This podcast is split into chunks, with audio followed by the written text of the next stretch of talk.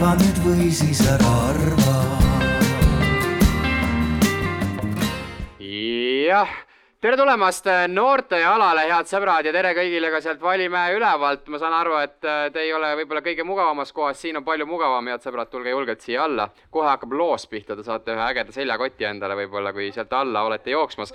kes veel ei ole jõudnud, peale arutelu kindlasti käige läbi meie tegevusseinast, seal on võimalik panna lipukene, kuskohast te pärit olete. see on meil natukene ka statistiline eesmärk, vaadata, kui palju meil inimesi siit läbi käib. ja teine asi, seal on heade mõtete sein, kui te kuulete siit mõnda head mõtisklust või teil on mõni kvoot kuskilt raamatust olemas või te eile, kes käisid, kuulsite kuskil midagi ägedat. pange need mõtted sinna kirja, õhtul teeme sellest ägeda pildi ja meile jäävad ägedad mälestused, millesse teie saite kõik panustada. muideks, eile me tähistasime rahvusvahelist noortepäeva ja see sündmus siin on osaks Euroopa noorteaasta erinevatest sündmustest. käesolev aasta on kuulutatud Euroopa noorteaastaks ja siin alal meie põhiline prioriteet on võimestada ja olla noorte kesksed läbivalt kahe päeva jooksul.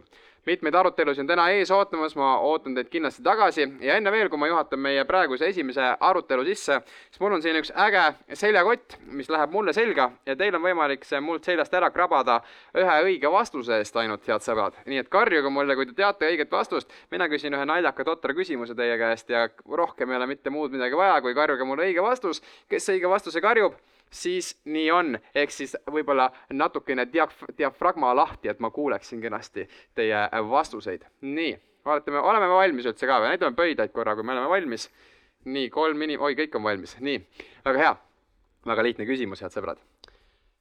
millisel loomal on kõige kõrgem vererõhk? millisel loomal on kõige kõrgem vererõhk? võime pakkuma hakata, nagu oksjonil Panter on hea pakkumine, aga vale. nii. karihiir, ta on kindlasti närviline, aga ei ole õige vastus. nii, mis veel tuleb? vaatame siitpoolt ka, ma hüppan siit fotograafist üle korra. nii, kass või? tavaliselt, tavaliselt kaelkirjak on daamid ja härrad õige vastus, teeme suure aplausi meie võitjale, ole lahke, siin on sulle seljakott ja niimoodi lihtsalt auhindu sajab täna terve päev, nii et äh, enne igat arutelu ja ilmselt peale igat arutelu, kui ma olen väga heas meeleolus, siis lihtsalt auhindu täna siin sajab. minu nimi on muidu Roger ja mina olen siin kaks päeva alajuht, vabal ajal töötan ma siis Haridus- ja Noorteametis suunajuhina. aga nüüd paneme käed kokku, teemaks düsleksia kapist välja ja meie alajuhiks on siis Heidit Kaio, teeme suure-suure aplausi no nii, me kõik teame, et on täitsa okei okay,, kui eluteele satub depressioon näiteks. Ehm, no ikka võib juhtuda, igasugu asju võib juhtuda elus ja see on legaliseeritud või see on nagu normaalne või see ei ole midagi, midagi sellist, mida peaks häbenema, kuigi kakskümmend aastat tagasi poleks sellest keegi midagi rääkinud. või siis ärevushäire või äh, autism on täiesti nagu mõistetav, Asperger, kõik on täiesti mõistetavad teemad. Ehm, aktiivsus- ja ärevushäire, normaalne, ikka juhtub aga kuidas mulle nagu, ma siiani imestan seda, et aasta on kaks tuhat kakskümmend kaks ja me oleme kogunenud siia selleks, et normaliseerida düsleksiat. kuidas see on saanud juhtuda? ja, ja ma räägin kõigepealt siis minu enda seose selle, selle looga, et ma olen siis Heidit Kaio, ajakirja Eesti Naine peatoimetaja ja oma töö poolest ma ei peaks tegelikult selle teemaga kokku puutuma, aga ma olen seotud sellega seoses enda pojaga, kes on mu kolmas laps ehk siis ma enam-vähem tean, kuidas lapsed õpivad lugema ja kirjutama ja kuidas see protsess käib et kui, kui ta oleks esimene, võib-olla ma oleksin kuidagi nagu ebakindlam. aga ma tema puhul sain kohe teisest eluaastast aru, et midagi on teistmoodi. ma ei tea, täpselt ma ei oska seda kirjeldada, mis oli teistmoodi, aga ma sain aru, et midagi on teistmoodi. ja nii see jäigi, kogu aeg jäi midagi on, et seesama teema, et midagi on teistmoodi. kuni siis äh, teise klassi kevadeni. Äh, tüüp käis koolis, on ju, iga päev läks, tuli, ranid seljas, on ju ja teise klassi kevadel oskas ta, tundis ta ära, tundis ära A ja O tähte ja see ei ole kõnekujund või nali, vaid see on päriselt, tundis ära A ja O tähte. ja sealt jooksis minu piir ja me läksime Rajaleidjasse. jumal paraku, see ei jäänud viimaseks korraks ja, ja hetkel läheb tüüp seitsmendasse klassi ja nüüd me juba teame, millega, millega tegu on. Eh, mul on tegelikult, eh, ma ei salga, et, et mul on kahju vahepeal ka, kaotatud aastatest, et ma oleks võinud selle, selleni jõuda palju-palju varem. nii ta on. aga, aga ma ei ole siin üksi vaid, vaid siin on veel mitu inimest, kelle ma palun ennast tutvustada, hakkame siit otsast pihta ja siis palun tutvustage enda seos ja, ja teie lugusid me, me räägime ka, aga kui midagi relevantset pähe torkab, siis, siis öelge seda ka mm. -hmm.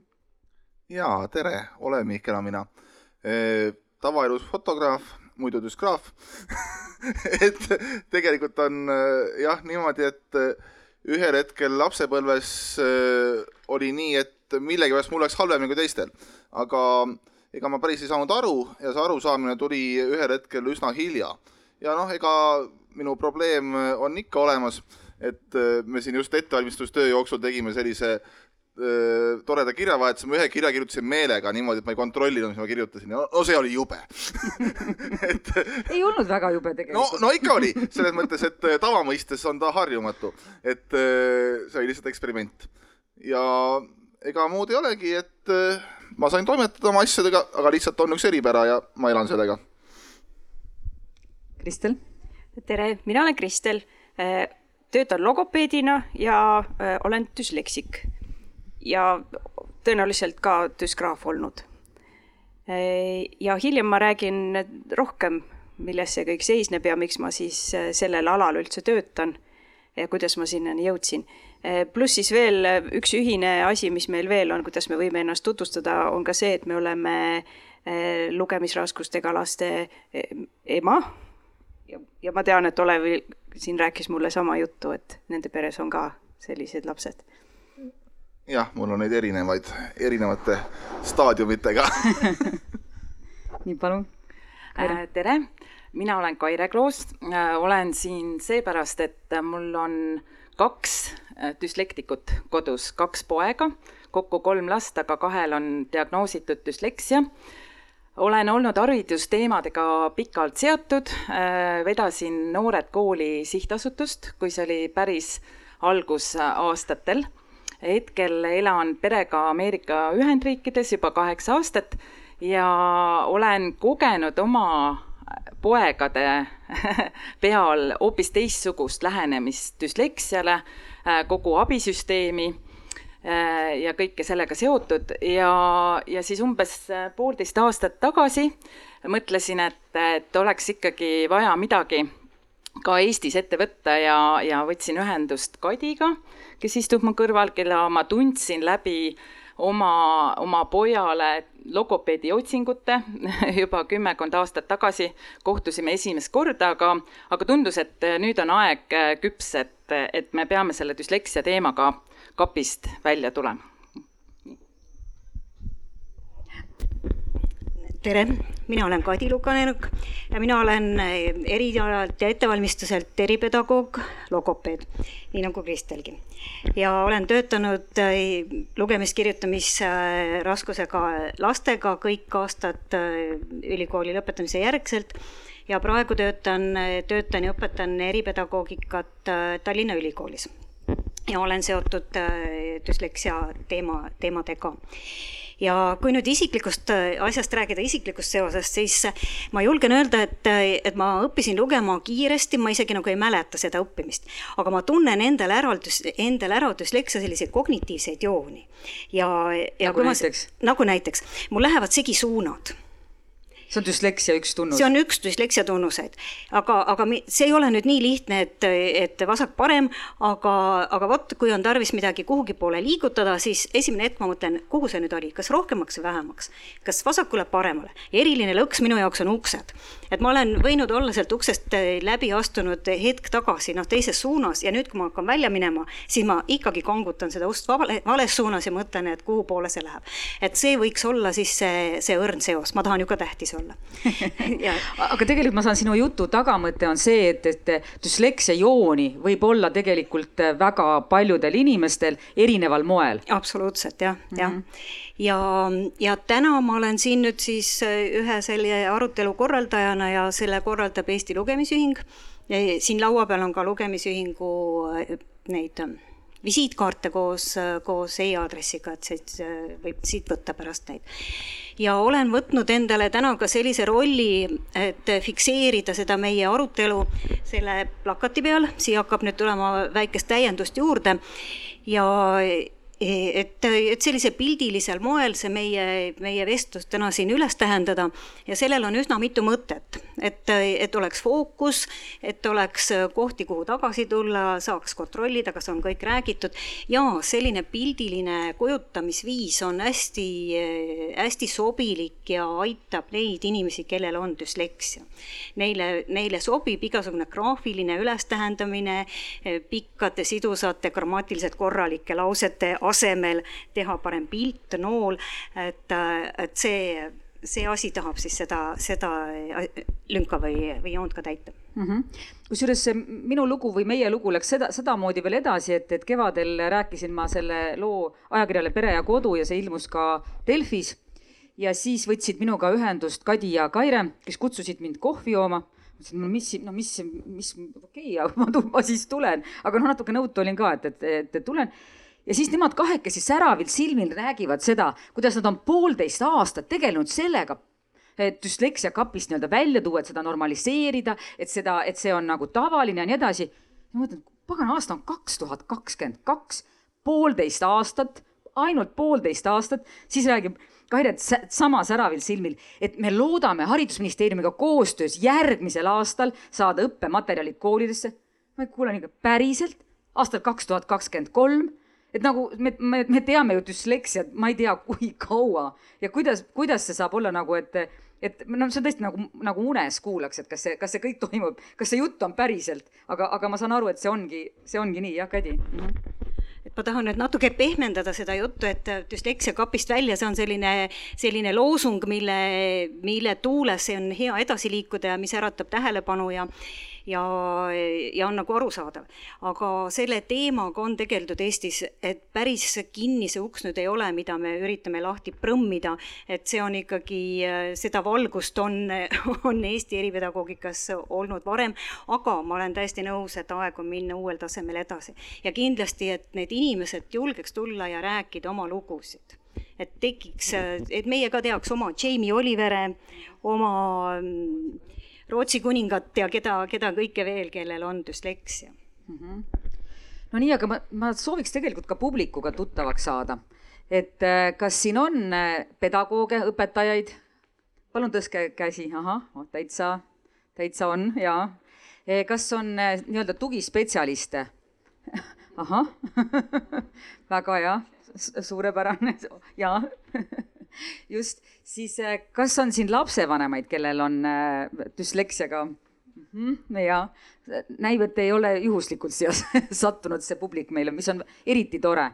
ja, ja kas on õpilasi, kellel, kellel see teema võiks nagu üleval olla kuidagi ka täitsa täitsa seltskond olemas ja, jah.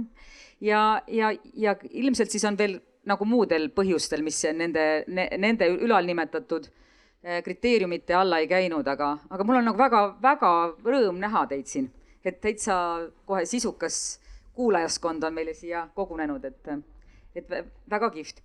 ja, ja, ja ma täpsustaksin seda ka, et, et me lep-, oleme omavahel leppinud kokku, et me räägime terminina düsleksiast, et, et järsku teie räägiksite üle selle ka, et, et miks me düs-, düsleksiast räägime, et me ei räägi düsgraafiast, me ei räägi lugemisraskusest, vaid me püüame nagu tegelikult ühte terminit kasutada, et lihtsalt oleks, ütleme, brändi nime, et oleks lihtsam jälgida, mida me räägime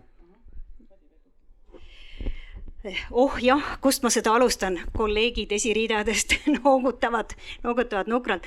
et äh, termineid on aja jooksul äh, loodud ja kasutusel palju tõesti ja see tekitab inimestes segadust, see tekitab äh, tegijates segadust, see tekitab rahastajates segadust. et põhimõtteliselt noh, kasutatakse lugemisraskus või siis düsleksia eks ole, ja, ja kirjutamisraskus või düsgraafia. ja, ja et nad tihtilugu esinevad koos ja on veel ka palju muid, muid häireid ja raskusi juures, siis äh, väga palju kasutatakse ka õpiraskused spetsiifilised õpiraskused selle termini juurde.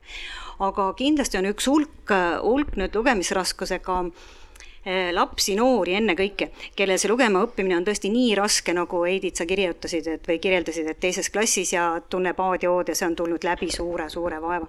et vot see on nagu er, see eriline rühm nende, nende lugemisraskusega laste hulgas, kellel, kellel see asi läheb tõesti väga-väga raskelt aga need vaidlused terminite üle, need on, need on igavesed ja nagu teada, et kõik vaidlused taanduvad lõpuks, lõpuks vaidluseks terminite üle, me oleme oma vaidluse alguses juba selle juures. ja, ja no eks siis näis, kuhu see asi edasi läheb, see terminite asi just, et tahtsid öelda?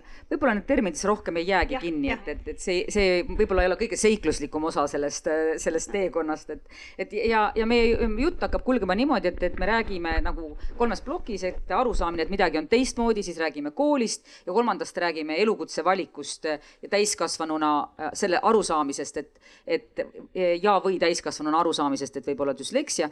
Äh, Kadi pakkus ka tegelikult hästi toreda sellise nagu katte noh, nagu teemad, et millega me saame sisse söösta, et need on siis arusaamine, et midagi on teisiti, siis see surve, mis on äh, küllalt tavaline, et ja, ja, ja siis äh, arusaamine, et, et või tunnistamine, et ma olen teistmoodi, et kas sa soovid seda täpselt veel kommenteerida?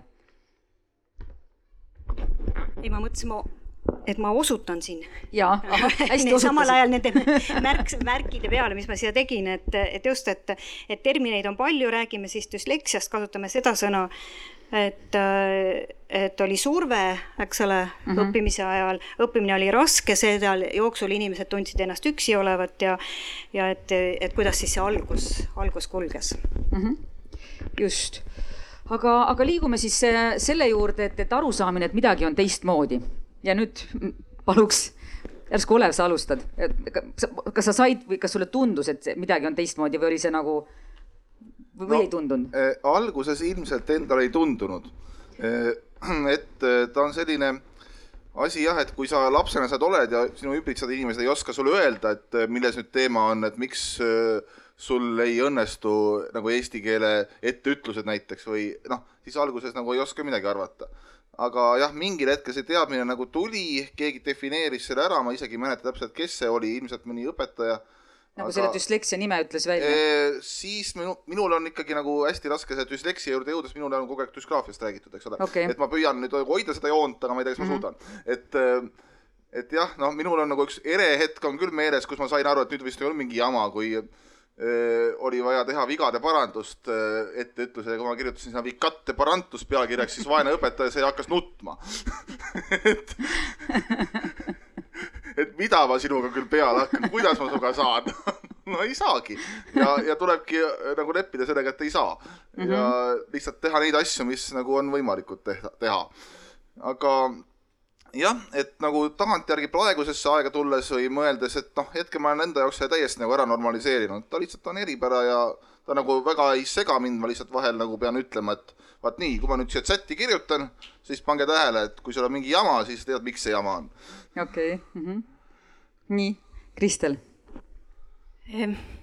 see on jah, väga keeruline küsimus, ega lapsel on raske aru saada, et et, et kas ta nüüd on lihtsalt rumal või ta on eriline. et pigem lapsed vist arvavad, et nemad on rumalad e,.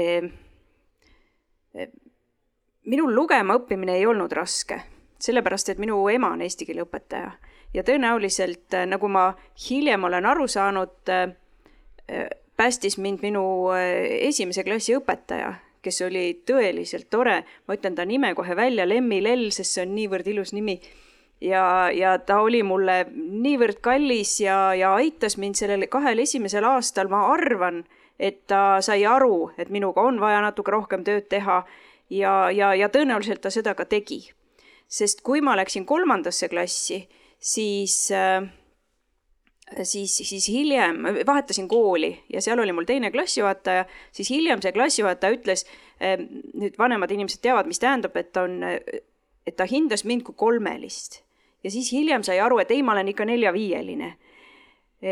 et tõenäoliselt sealt siis, seal see, see näha oli, et ma loen aeglasemalt ja, ja teen rohkem vigu. aga, aga et ma olen, kus esimest korda seda mõistet kuulsin ma alles keskkoolis, ma käisin kirjanduse klassis ja õpetaja küsis mu käest mingil ajal, ma arvan, see ei olnud üldse kümnendas klassis, küsis, et kas sa oled kunagi düsgraafik olnud no siis ma kuulsin seda sõna esimest korda ja mõtlesin, et, et ju ma siis olen olnud, sest vigu ma ju tõesti teen mm. -hmm.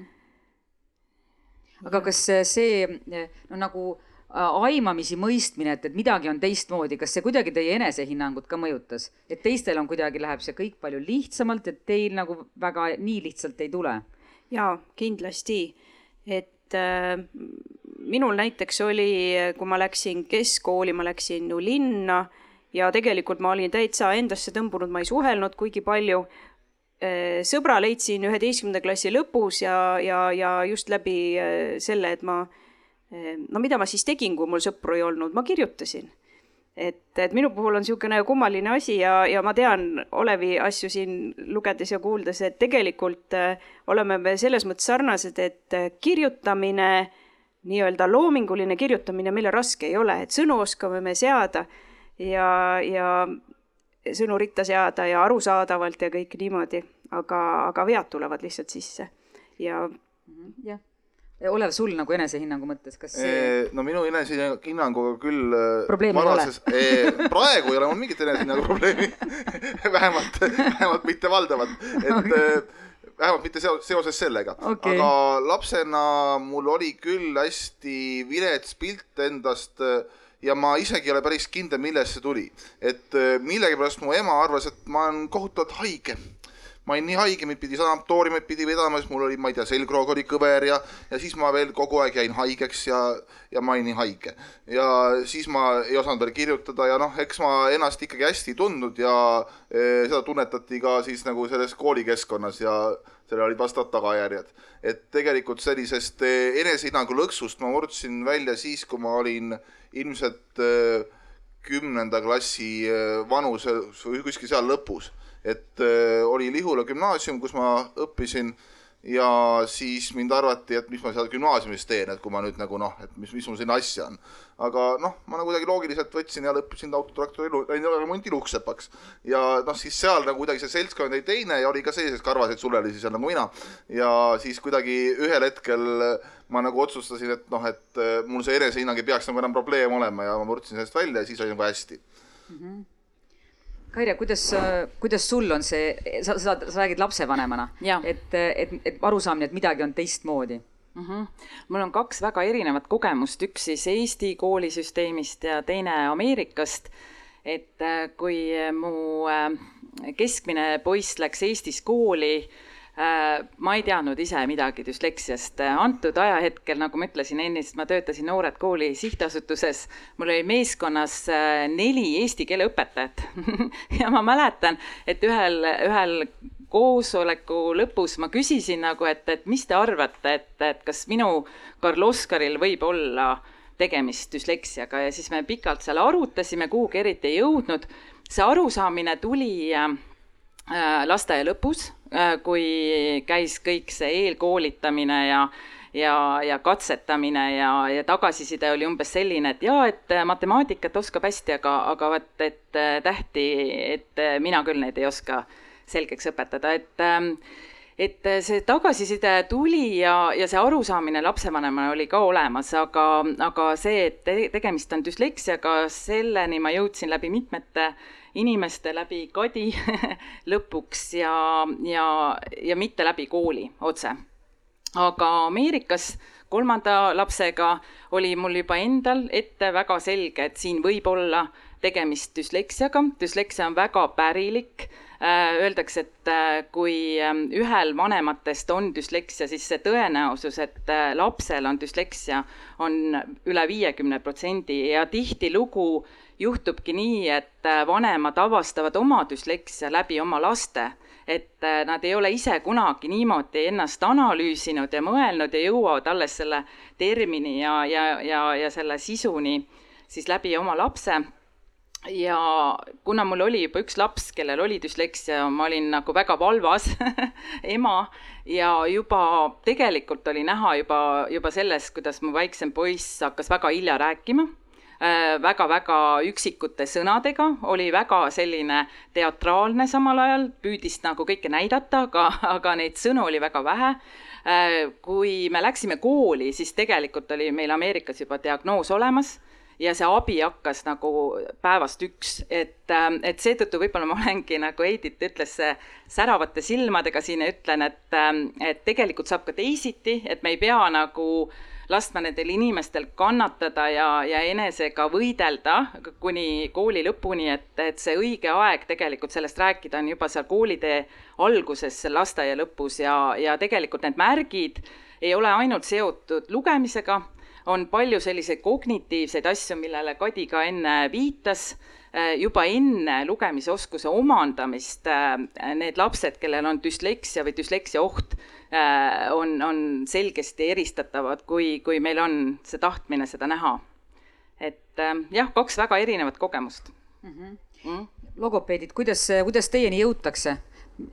mis, mis vanuses see klassika on, et, et, et tullakse mõistmisega, et midagi on teistmoodi? no ikka pigem siis, kui äh, lugemine peaks juba selge olema, aga noh, kuidagi ei taha tulla mm. -hmm. aga teadlikkus on tõusnud ja järjest rohkem on ka neid vanemaid, kes tulevad varem. ja, ja teatakse ja paljud lapsed tulevad ka kõneprobleemidega üsna vara, varases eas ja siis on juba hea, hea jälile saada ka, ka sellele, sellele riskile mm. -hmm no ma lihtsalt lisan siia juurde, et ma arvan, siin on hästi Eestis ka niisugust vastandlikku äh, ideoloogiat ja need mõlemad äh, kaks poolt on, on niisuguses äh, omavahel võistluses, et ühelt poolt on see arusaamine, et jaa, et lapsed ongi erinevad ja nad õpivadki erinevalt, et lapsed, las lapsed mängivad ja nad ei peagi lugema, õppima enne kooli, et kool on see koht, kus lugema õpitakse. Ja teiselt poolt on jälle äh, kõik need eelkoolid ja, ja ka tegelikult äh, lasteaia õppekava, mis näeb ette, et äh, lastele õpetatakse tähti juba lasteaias ja enamus lapsi lähevad kooli juba baas vähemalt baaslugemisoskusega tegelikult meil on vaikiv eeldus ju, et, et, et tuntakse et, tähti, osatakse lugeda jaa, kooli minnes. Need kaks asja käivad nagu käsikäes hetkel Eestis ja eriti, kui on veel poisslaps, kellel see lugemisraskus või düsleksia on siis äh, noh, ma oma lapsega kuulsin hästi palju seda, on, ta ongi poiss, et noh, küll nad lähevadki hiljem lahti ja ja, ja, ja ta ongi niisugune spordipoiss, et las teeb kõigepealt sporti ja saab mingi enesekindluse sealt kätte ja küll siis hakkab ka lugema ja ma ei tea, kuidas need omavahel seotud on, aga, aga nii nii räägitakse ja ja, ja hästi palju on seda ja, et, et ootame ära ja vaatame ja see ootamine jääbki kestma paljude laste puhul nagu väga pikalt, on ju, et, et see julgus panna kand maha ja ütelda, et, et nüüd on halvasti, et tegelikult me ootame, et see laps tegelikult oskaks äh, juba lugeda või tunneks tähti ja, ja need lapsed ei oska Mm -hmm. et, et seda julgust on veel vähe. nii, Kristel, sa olid soovinud jaa, ma selle jutu juurde lisan, et, et kes need võitlejad on, need on tavaliselt lapsevanemad et abi saavad enamasti need, kelle emad tõesti ise hambad ristis selle abi välja otsivad mm. -hmm täiesti nõus, siin on väga suur hariduslik ebavõrdsus ka ja otseselt seotud laste sotsiaalmajandusliku taustaga mm. -hmm. ema äh,, ema võitluslikkusega. ja, ja neid lapsi, kes saavad logopeedilist abi, kes käivad kuskil eravastuvõtus, neid on kindlasti vanematel, nendel vanematel rohkem, kellel on rahalised võimalused ja ka teadmised sellest mm. -hmm. et tahan kaks, kaks asja siia tuua, et et ähm, see ema märkamisoskus, et, et see on hästi seotud rahvusvahelise kogemusega ka, et et üldiselt laste kirjaoskuse areng on tihedalt seotud, ma vaatan nüüd Mare Müürsepa otsa ka, et on väga tihedalt seotud äh, just ema haridustasemega. Et see on, on nüüd kõigis ähm, noh, meile sarnase kultuuriga riikides niimoodi, et et selles mõttes ema, ema haridus on, on väga oluline. mitte, et nüüd isa võiks rumal olla, aga aga, aga statistiliselt see on määravaks saanud. ja teine asi, mis ma nüüd tahan niimoodi ühe korra ära öelda ja mitte selle peale rohkem nüüd jääda, jääda seda arutama, sest me ei muuda siin midagi, aga mis väga komplitseerib praegu olukorda, on see, et, et tugispetsialiste on vähe ja logopeede ja eripedagoogi on niivõrd vähe ja öelda nüüd vanemale, et, et otsige abi, siis vanem küsib, kust ja selle koha peal see, see nõuandeliin katkeb, eks ole, noh, ei ole kuskilt, kuskilt saada. ja, ja, ja see teeb selle olukorra murelikuks, aga see ei peaks meid mitte nüüd heidutama niimoodi silmini maha, vaid, vaid ikkagi meie, meie energiat üleval hoidma, eks ole, ja lahendusi otsima mm. -hmm. sa tahtsid veel lisada? E, jaa, et väga-väga e, tuttav on jah, nagu see e, ühest küljest natuke nagu sihuke tühistamiskultuur selle juures ja teisest küljest lihtsalt mittemõistmine.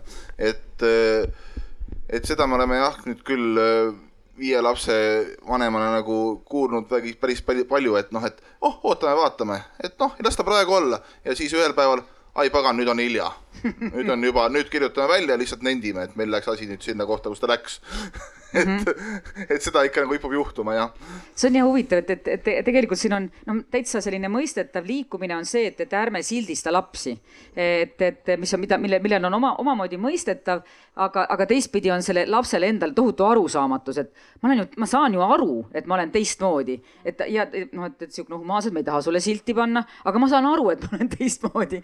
et ja see, see, see, ma, miks ma seda rääkima hakkasin, on see, et sa ütlesid alguses see tühistamiskultuur, et see võib teisele poolele või ütleme, sellele lapsele tundudagi tühistamisena, et teda ei võeta tõsiselt, et teda, teda ei võeta arvesse mm. ja et äh, tegelikult nagu ongi jah, see, et ega see sildi panemine, see on nagu mingisugune eelmise ajastu teema, et oi, et sul on siis eluks ajaks märk juures paneme selle düsgraafia sulle välja, siis on eluks ajaks märk juures, eks, aga tegelikult äh, on see, et paneme selle õige koha peale selle märgi ära ja me teame, mis selle märgiga peale hakata ja me lähme edasi sellega mm. -hmm. ja siis see asi läheb õigeks, võite sedapidi, et me nüüd peidame natuke seda asja ja siis nihverdame ja siis äh, noh, nii edasi mm. -hmm. nii, ja nüüd paluks ekraanile äh, teksti, mille on Kristel valmis kirjutanud ja kuna see ekraan peegeldab, siis, siis Äh, siis ma loen selle, selle igaks juhuks ette ka. ja see on selline, ütleme, niisugune lapse sisemonoloog. mina olen alati kõige viimane. ma peangi olema viimane, sest ma pole väärt eespool olema. et kuidas ma tean? no vaata, ah mis ma hakkan siin seletama, sul ei ole niikuinii aega kuulata. sa väidad, et on? no jaa, aga ega ma ei oskagi seletada. keegi pole iialgi mulle õpetanud, kuidas sõnu seada, kuidas olla mina ise, kuidas rääkida, mis teeb haiget kuidas kukkuda nii, et ei saaks haiget, kuidas tõusta, et otsast alata. kas sina oskad seda? oskad? kes õpetas? elu? jah, aga miks seda ei võiks õppida koolis? miks ma pean istuma pingis ja kuulama, kui loll ma olen?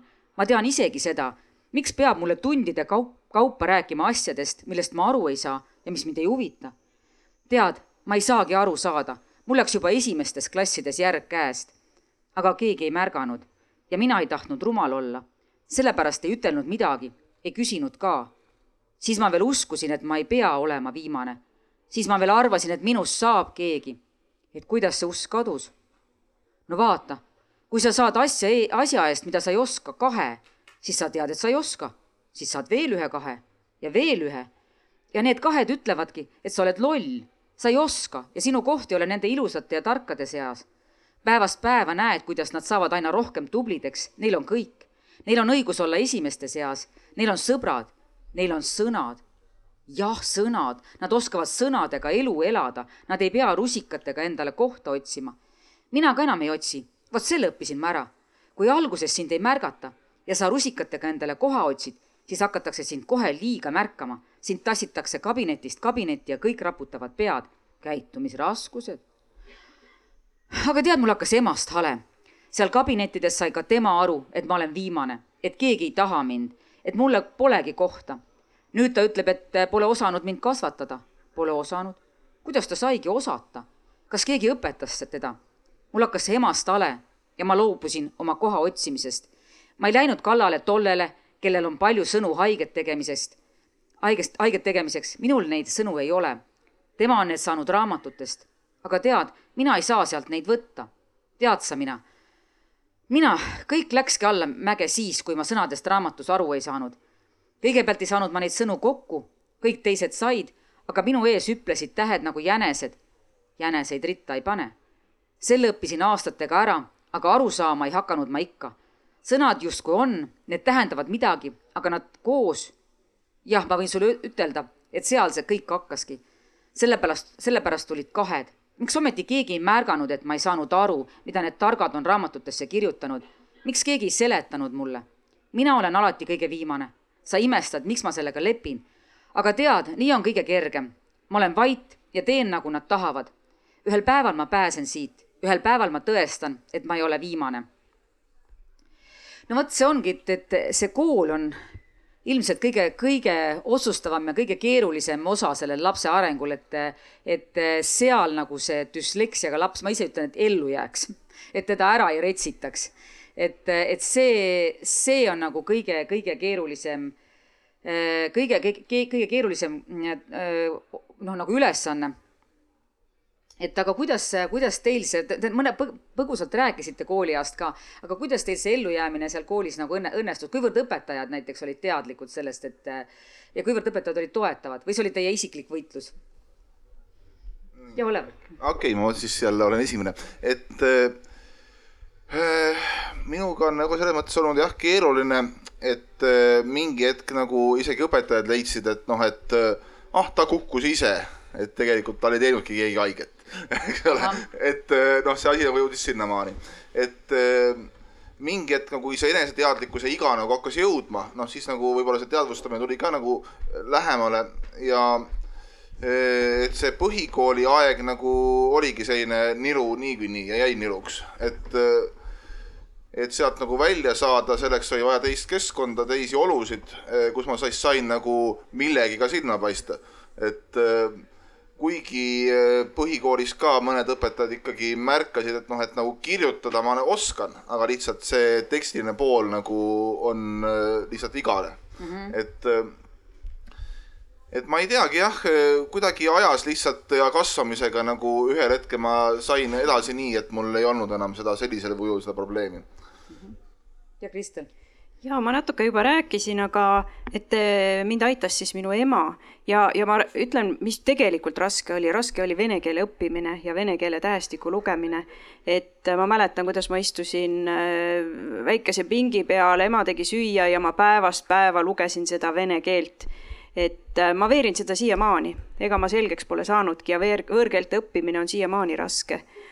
aga äh, jah, ma, mina olin hea kirjandite kirjutaja ja, ja, ja kuna, kuna e-, ema oli eesti keele õpetaja, siis ma lihtsalt õppisin selle eesti keele ära ja ega no, nagu konstruktsioonid ja seda, et, et, kui on palju asju, siis on nõrk tee lõpus ja, ja et, et põhimõtteliselt pähe õppisin selle, et, et mm -hmm. siis, siis ja, ja, ja noh, see on mind siiamaani päästnud, et kirjutada ma oskan, vigu ma väga palju ei tee.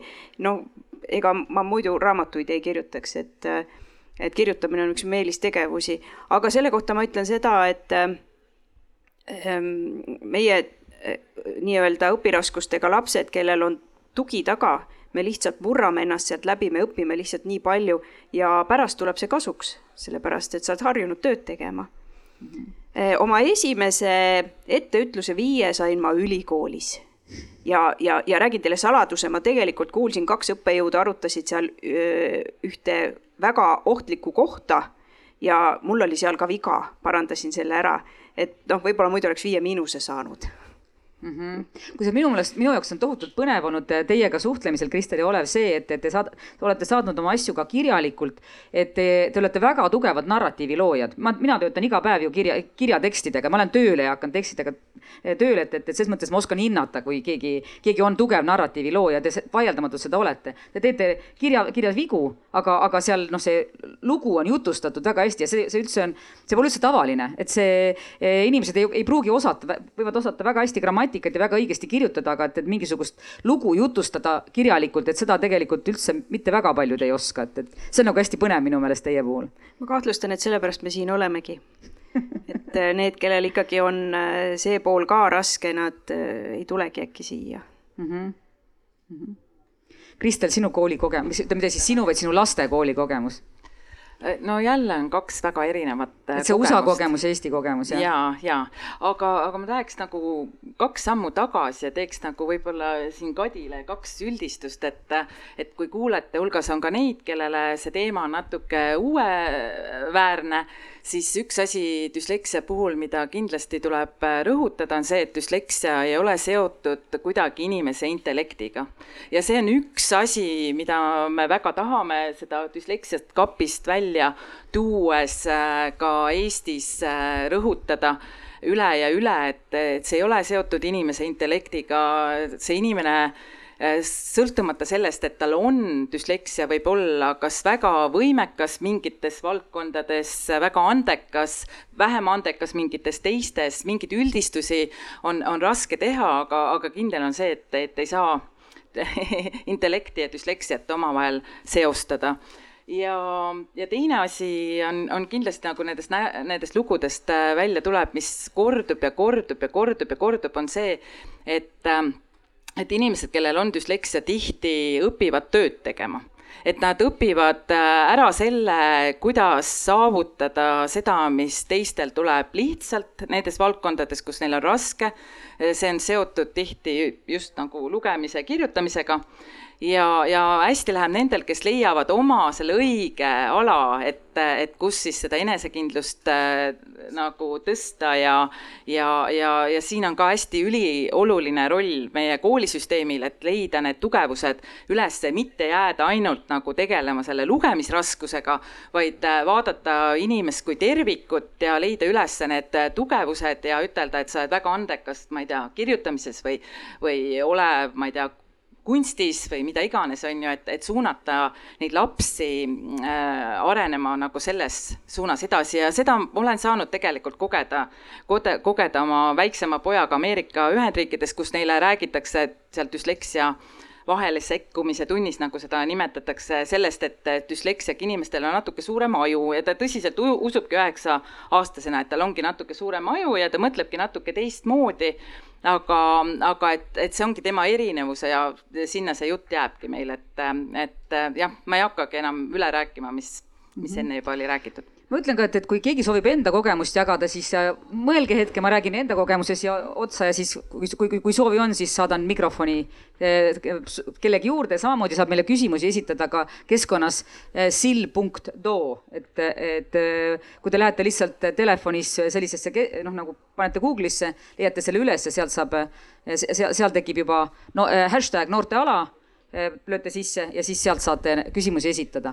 aga, aga ma tegelikult sinu jutu jätkuks tahaks sedasama öelda, et, et minu jaoks oli selle sildi saamine nagu selle, minu kui ema jaoks oli see sildi saamine sellepärast oluline, et ahah, okei okay,, aga tegeleme siis tugevustega. et midagi peab ju siis see tugevat olema, et hakkame neid otsima. et see oli nagu selline noh, nagu eh, noh, nagu sellega tekkis mingi masterplaan või sihuke, et mingi suur asi, et ahah, selge, väga hea, lähme siis sinnapoole et, et jah, et seda nagu see tugevuste otsimine on nagu väga, väga kerge, kergendav või see on nagu suur, suur asi, jah, Kadi.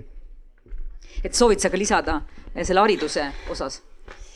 jah, et noh, selle nii-öelda diagnoosimise või märgistamise, sildistamise märgi juurde ütleks nüüd spetsialisti ja, ja üldistamise, üldistamise poole pealt seda, et et see on nüüd meie teha, mida me selle märgiga teeme eks ole, et see on nii nagu nöör, et, et ega sellepärast ei ole köievabrik halb, et keegi nööriga poob, aga keegi teine hoopis ju seob nööriga.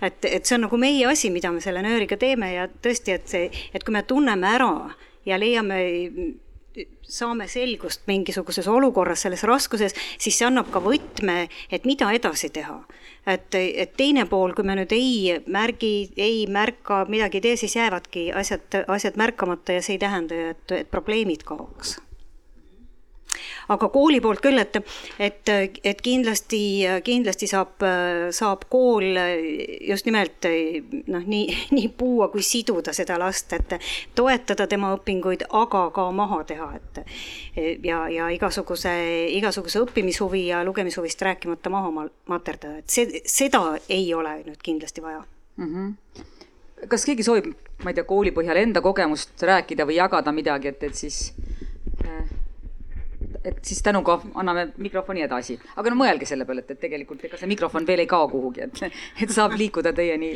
aga õpetajad ja tugispetsialistid, te olete avastatud ja, ja võtke, võtke julget sõna ja valgustage ja vahendage oma kogemust mm. -hmm siia vahele ühe oma kogemusest räägin seda, et mida ma kindlasti koolist mäletan, oli see, et et mulle meeldis väga jutustada ja ma olin väga tugev jutustaja ja, ja äh, aga mind ei küsitud jutustama, sest ma ju oskasin seda ah, sul ei lastud nagu äh, olla tugev selles, mida sa oled, milles või noh, nagu särada selles, mida, milles sa oled tugev. ja, ja just see, vot see tegi mulle isegi rohkem haiget kui see, kui juhiti tähelepanu, mida ma ei oska.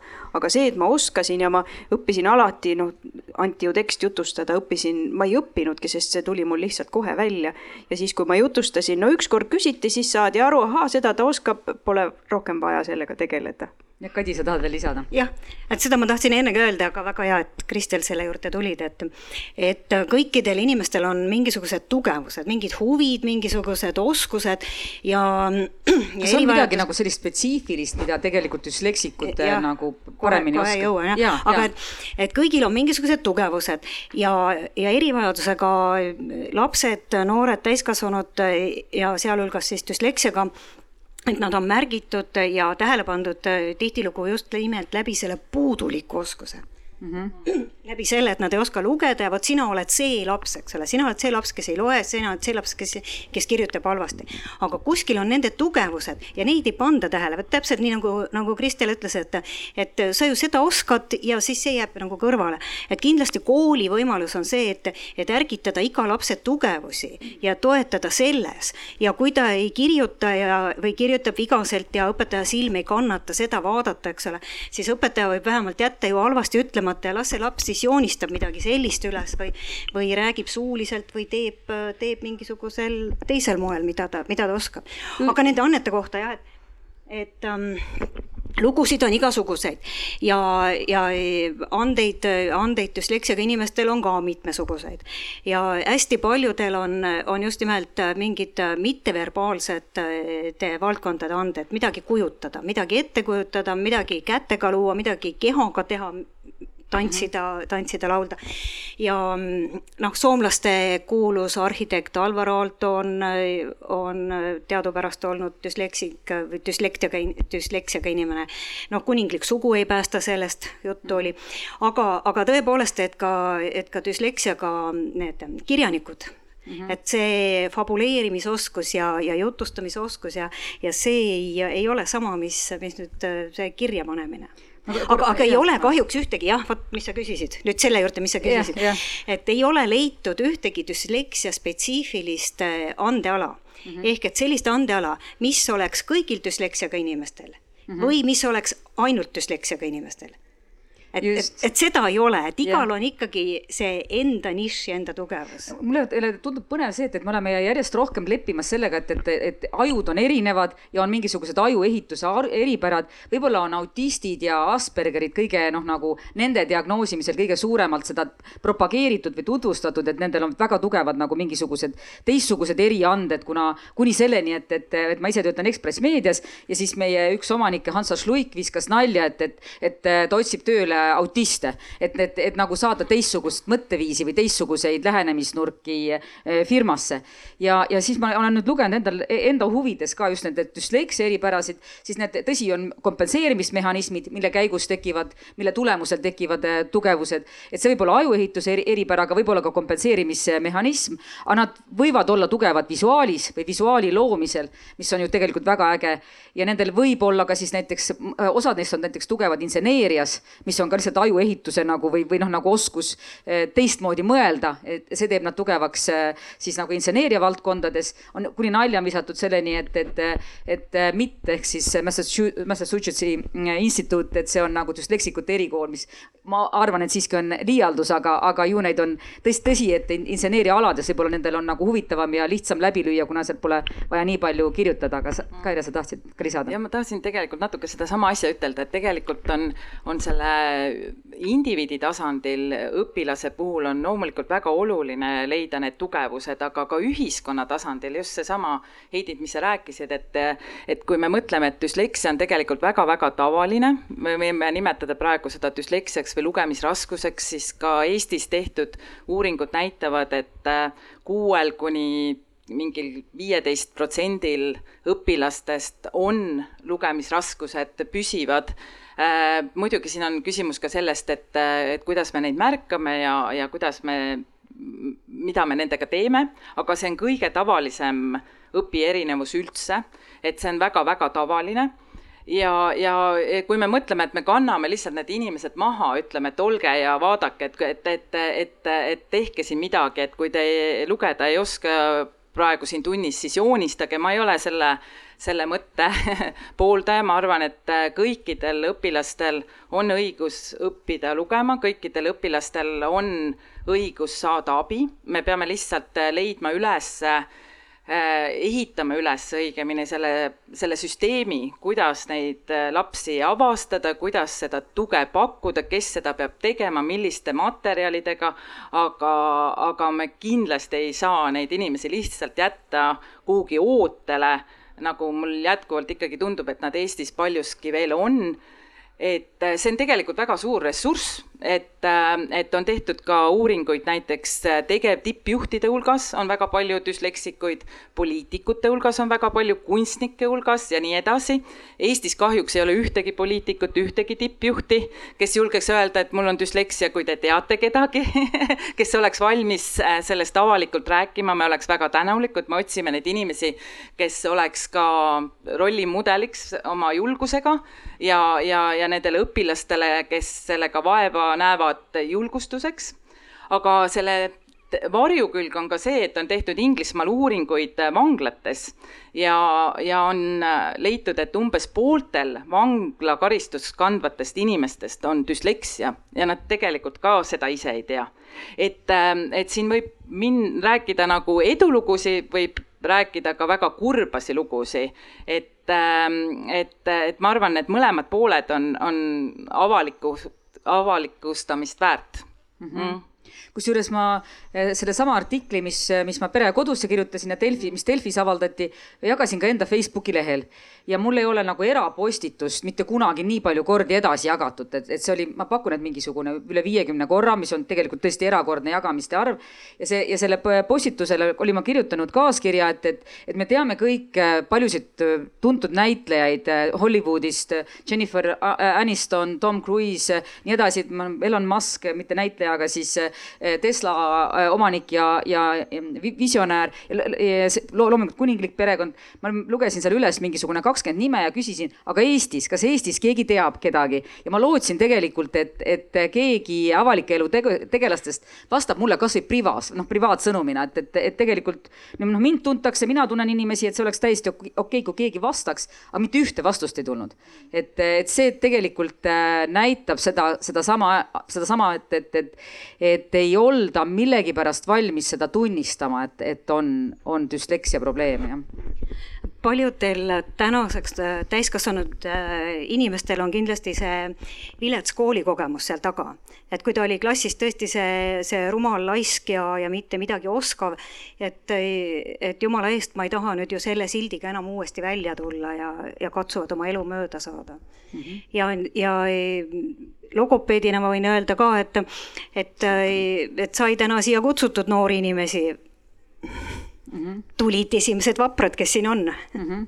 Olev, sa tahad, tahad lisada? et ma tahaks nagu üldistada seda, et äh, tegelikult, mis mulle tundub, vähemalt minu kooli ajal oli ja ma ei usu, et see eriti muutunud on, on see, et need tagapingi poisid, eks ole, need nii-öelda pahad poisid, et väga suur osa neist on tõenäoliselt mittemõistetud düslektikud või mingi muu asjaga mm. -hmm. lihtsalt nad on nagu paigutatud sellesse kasti ära. et ta on paha poiss juba on paha poiss, aga miks? Et äkki tal on mingi raskus, eks ole, ja me muugiks selle lahti ja ta tuleks sellest rollist välja, et noh, see nagu võikski olla üks asi, mida me siis püüdleme praegu mm. -hmm et kui ma siin alguses ütlesin, et, et Kristel rääkis entusiastlikult, kuidas, mitte Kristel, vaid äh, Kaire rääkis entusiastlikult, kuidas pooleteise aasta pärast jõuavad kooli mingisugused õppematerjalid, siis sina, Kristel, tegelikult oled neid ka enda algatusel mõnevõrra loonud. et kas sa palun räägiksid, mida sa, mida sa siin, mida sa siin teinud oled jaa, et miks ma seda tegema hakkasin, oli see, et siis ma ei teadnud sellest midagi, et minul võiks düsleks-, düsleksia olla, aga logopeed ma juba olin. jah et äh, minuni jõudis see teadmine, et minul on düsleksia olnud või on ka praegu äh, äh, minu laste kaudu. ja, ja kui minu vanemat poega oli vaja õpetada lugema, siis see oli väga keeruline protsess. Ja kolmest lapsel kahel on siis lugemisraskus, ma ei nimetaks seda päris düsleksiaks. mulle endale tundub, et kui see on nagu ületatav, siis ta võiks olla raskus aga, aga noh, eks me arvame, et see on ületatav, tõenäoliselt päris ikkagi ei ole. aga noh, kõva tööga saab ikka paremaks küll. ja muidugi selleks ajaks, kui mina oma esimese raamatu lugema õpetamise raamatu valmis sain, see on lihtsalt väike lugu, trükitähtedega kirjutatud hästi lihtsas keeles. Nüüdseks juba ennast väga ära tasunud raamat, aga minu poeg muidugi selle aja peale juba oskas lugeda, kui see raamat valmis sai, sest raamatu tegemine on, on, on pikk protsess. Aga noorema tütrega on õnnestunud neid raamatuid ka lugeda ja see on andnud mulle ka innustust neid juurde kirjutada. ja miks, miks ma kirjutasin, oli see, et neid ei olnud lihtsalt võtta kuskilt aga mis ma siin nüüd välja tooks, see, see on, see on minu jaoks ja tõenäoliselt ka teiste jaoks väga ebameeldiv asi, on see, et isegi kui mul on teadmised logopeedina, kuidas oma last aidata, oma last, siis õppeprogramm ja töö, mis lapsed kodus peavad tegema, on nii suur, et ma ei hakka talle veel, kui ta on mul poolteist tundi juba õppinud ja, ja surmväsinud, ma ei hakka talle õhtul veel eraldi äh, oma teadmiste põhiselt äh, siis äh, noh, nii-öelda erimetoodika alusel veel lugemist õpetama, sest ta lihtsalt ei suuda seda teha. ja ma ütlen ausalt, ma ei õpetanudki oma nooremat last ise, vaid ta on samamoodi hambad ristis läbi tulnud sellest õppeprogrammist ja, ja, ja on nagu on praegu seis mm. -hmm. nii, aga meil on ühe, ühed testid valmis -hmm. pandud ja, ja pliiatsid ka ja need on siis testid, et täiskasvanuna hinnata Eh, kas teil on düsleksia või te tahate kedagi teist testida või te, või te tahate lihtsalt näiteks näha, Villu, kuule, Villu, palun tule jaga pastakaid ka. et eh, või te tahate näiteks lihtsalt näha, et missugused on need küsimused, eh, mille põhjal võiks hakata üldse rääkima nagu või no nagu oletama, et, et tegemist on düsleksiaga, et, et, et see et, et ütleme, et see ei ole häbiasi, kui te selle paberi võtate, et see ei ole silt. Ma teen siin väikse täpsustuse, et see on selline kiirtest, eks ole, ja, ja koosneb kaheteistkümnest küsimusest, see ei ole nüüd põhjapanev otsus, vaid see võiks olla esimene selline suunanäitaja, et et mille järgi hakata, hakata nüüd hindama või, või seda noh ja ma julgustan ka seda, et, et kui me siin oleme lõpetanud ja te soovite privaatselt rääkida meist kellegiga, siis, siis me oleme siin täitsa nagu olemas ja, ja, ja valmis vastama igasugustele küsimustele. aga me liigume edasi siis selle täiskasvanu eaga, kuhu me oleme juba tasapisi jõudnud. täiskasvanu ja siin oleks siis nagu kaks teemat, nendest üks on siis täiskasvanu eas elukutse valik, aga teine ka see, et kui sulle nagu täiskasvanu eas hakkab tekkima mingi arusaamine, et oot-oot-oot, järsku ma olen düslektik, et see viib, ei olegi nagu varem nagu välja koitnud isegi näiteks logopeedidele, et logopeedile, et, et, et kuidas siis nagu edasi, edasi liikuda ja, ja ka näiteks, kuidas sellest vajadusel võib-olla isegi tööandjat informeerida või sõpru või et, et mis, mis seletaks seda, et ma ei ole, ma ei ole rumal, vaid et, et mul on selline ja selline eripära. aga, aga räägiks elukutse valikust, et, et kuidas, kuidas see teie, teie puhul on äh, niimoodi läinud Äh, jaa. sina oled fotograaf. mina olen fotograaf, äh, vabakutseline juba kolmteist aastat, et äh, tegelikult see fotograafia huvi ei tulenenud mitte minu düsgraafiast või kuidagi selle tõttu, vaid see on ikkagi isiklik huvi olnud kogu aeg. et isa eeskujul sinnapoole vaikselt liikudes Ja, aga see on niisugune visuaalne kunst nii-öelda? see on visuaalne kunst ja ta mingi viisi pidi mulle siis sobima, kui ma sinnapoole minema hakkasin ja noh, visuaalselt ja kätega tehtavad asjad on mulle kogu aeg nagu kuidagi sobinud. ma ei tea, kas sellepärast, et ma teistega pole hakkama saanud või, või lihtsalt sellepärast, et mulle on nagu, ongi sobinud mm, -hmm. et võib-olla mõlemat. ja no ega tegelikult ma sellest kirjutamisest ei pääse nii või teisiti, aga lihtsalt, kui on nagu mingi oluline tekst, siis peab keegi mind aitama Mm -hmm. et eh, noh, häda küll on selles, et abikaasa, kes mind aitab, eh, on hakanud nagu samu vigu tegema, et eks ta niisugune nakkus ole aga kas sa näiteks enda sõpradele või kellelegi, kui sa mingis näiteks chatis hakkad kirjutama, kas sa ütled seda ka, et kuulge, ärge pange pahaks, et mul võib eh, sinna ma olen seda aina rohkem tegema hakanud, et noh, mingite aastate eest, kui nelikümmend veel ei olnud kohe-kohe kätte jõudmas, siis võib-olla oli see enese suhtes veidike piinlikkustunne nagu suurem, aga praegu mul nagu absoluutselt selles vallas seda ei ole, ma lihtsalt vahel jah, tõesti ütlen, et vaat kui ma kuhugi nüüd kirjutan, siis pange tähele. et kui on mingi jama, siis te teate, miks. või mm -hmm. mõnele emailile kirjutan juurde, et noh, et võib esineda kirjutamise vigu, sest äh, mul on ju see, see probleem mm. -hmm. et äh, kui see ei ole nüüd nagu mingisugune ametlik, ma ei tea, avalduse tekst või midagi sellist, et siis ma võin nagu lubada endale seda eksimist mm -hmm.. okei Kristel no jaa, minul on nüüd natukene veel keerulisem selle asjaga, kui ma ise ikkagi tõeliselt kirjutamisega tegelen, siis noh, vigu seal sees ju olla ei tohi. et äh, aga toimetajad on väga head abilised siinjuures ja, ja noh, eks tegelikult ega mul neid vigu ikka seal väga palju sees ei olegi. et ma ise teen sellega hästi palju tööd tõenäoliselt olen ma tõesti selle keele ära õppinud eh, ja aga, aga mis vead mul tulevad, näiteks eh, eh, võõrsõnade kirjutamine, selles mõttes need, mis me eesti keeles kasutamine, kasutame, need on mul enam-vähem selged, aga siis näiteks, kui seal on võõrnimed sees või, või sellised asjad, nende lugemist ja nende kirjutamist pean ma alati üle kontrollima.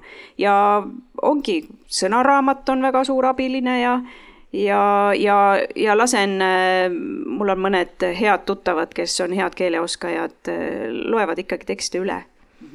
Ja, ja., et ma lisan nüüd jah, siia nii palju, mida me ei ole täna tegelikult eriti rääkinud, me oleme rääkinud ainult sellest kirjutamisest ja lugemisest, aga mis on selle taustal äh, nagu väga tõge, tugeva probleemiga, on võõrkeeled.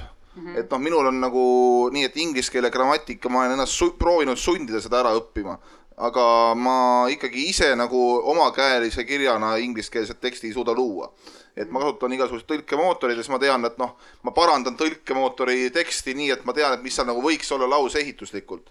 aga nii, et ma suudaksin ingliskeelsed need erisused kõik endale meelde jätta, see on täiesti lootusetu üritus ja noh, teiste keeltega samamoodi mm. -hmm. aga kõnes ma noh, suudan oma asjad nagu ära ajada mm. -hmm ja mul on täpselt sama asi, eh, kusjuures ma alles hakkan nüüd aru saama, miks ma pole saanud keeli selgeks. et eh, nii vene keelt kui inglise keel, täpselt samamoodi kusjuures minu meelest on hästi põnev see, et, et düsleksia ei sega üldse töötamast erialadel, mis on keelepõhised, noh nagu logopeed nagu sina. mul on endal sõbranna, kes on, kelleks on mul sõbranna olnud kolmkümmend aastat ja kellest ma tean kolmekümne aasta tagusest ajast, et ta on düslektik, ta ei ole seda kunagi varjanud minu eest, aga kes on ajakirjanik, on Tartu Ülikoolis ajakirjandust õppinud, töötab ajakirjanikuna, kirjutab tekste, et ta, ta ja samamoodi ta on lihtsalt selle kõik mehaaniliselt ära õppinud, et sa tubli tüdruk on, on selle töö, töö ära teinud siis, äh, siis mul oli nagu hästi üllatus ka see, et, et teie rääkisite, et ka Eesti Keele Instituudis töötab äh, düslektikuid, et äh, düslektikuid on teaduste professorite hulgas täiesti rahumeeli, et, et kelle, kellele, kes peavad massiivis lugema keerulist teksti. et, et ja see on täiesti norm ja nad teevad seda, et see pole nagu mingisugune probleem. ja, ja ma räägiksin siia ühe loo otsa, et, et, et et ma, eh, Delfis on mul ka üks eh, selline suhte podcast ja siis kirjutas üks eh, naisterahvas mulle sinna selle, selle podcast'i peale, et rääkida enda lugu ja, ja ta ütles kohe, kirjutas kohe alguses, et, et ma töötan suures rahvusvahelises firmas äh,. Äh, ma ei mäleta, kellena, aga, aga ja muuseas ma olen düslektik. see, see, et ta töötab suures rahvusvahelises firmas, võiks olla väike viide sellele, et ta on erialaselt ju tegelikult täitsa edukas. ja siis ta aga viskas nalja, et, et aga teate, mul on niimoodi, et, et kui ma, kui mingisugune noh, kutt mulle ei meeldi, siis ma ütlen talle, et ma olen düslektik ja siis ma saan tast lahti, onju et ja see, see näitab seda, et missugune stigma see siiski nagu, mis, missugune stigma see on. ja siis ma rääkisin sedasama lugu äh, toimetuses ja siis üks minu kujundaja natuke mõtles ja ütles, et, et no ma ei tea, aga võib-olla meestele ei meeldigi sellised toitud. siis ma nagu, halloo, Kristel, mis sa, vabandust, aga mida sa praegu nagu täpselt ütlesid siis ta hakkas nagu mõtlema oi, oi, oi, oi, vabandust, ja tõesti, ma ei mõelnud niimoodi, aga see, et selles jutus oli just, narratiivis oli ju see, et töötab suures rahvusvahelises firmas, et spetsialistina võiks ju viidata, et tegemist ei ole toituga, aga, aga see tuli nii lihtsalt, need kaks asja, no just see kohtingute teema ja see, et võib-olla ongi toitu tulid nagu tõesti ühe hingetõmbega või nagu ühe lausega ära, jah. jaa.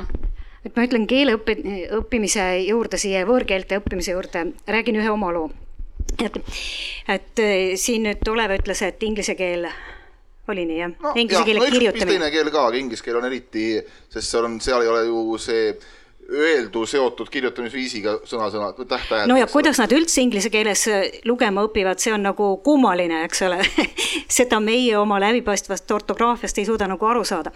aga keeled on äh, erinevad eks ole, ja, ja erineva struktuuriga ja erinevate kirjaviisidega ja see mõjutab ka düsleksiat. ja düsleksia ei ole kõigis keeltes ühesugune ja, ja tema osa, jah, ja osades, osades äh, keeltes on, tähendab, on need ühised kognitiivsed jooned, aga need keelelised ilmingud äh, võivad olla erinevad ja ongi.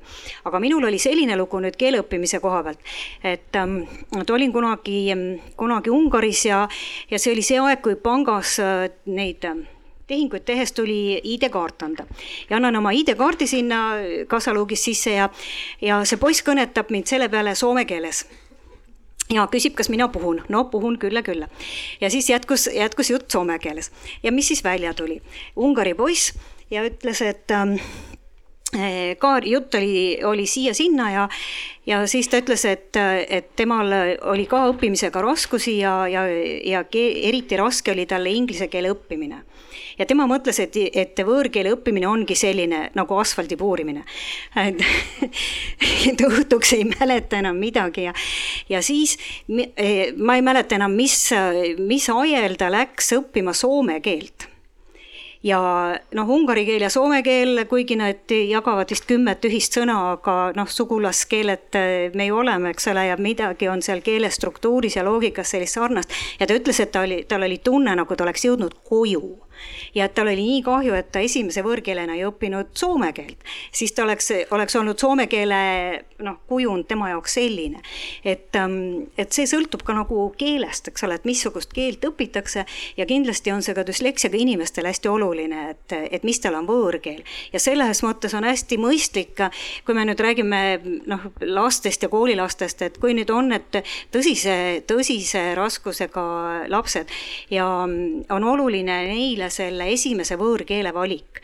ja jättes kõrvale poliitilised argumendid, aga, aga ei ole hea mõte esimeseks õppida vene keelt eh, selle tähestiku erinevuse tõttu et esimene võõrkeel võiks olla ikkagi see, millel on sama, mis kasutab sama tähestikku, et ja, ja osad, osad lapsed ongi noh, nagu selle, selle põhjendusega noh, õppetöö on teisiti korraldatud jah, tahaks ja, lihtsalt veel lisada, et ma arvan, et siin on hästi palju äh, küsimusi tegelikult, äh, mida arutada edasi, et äh, osalt on see, et kuidas me need lapsed, kellel on düsleksia, võimalikult vara avastame, kuidas me neid juba seal lugema õppimise etapis piisavalt toetame.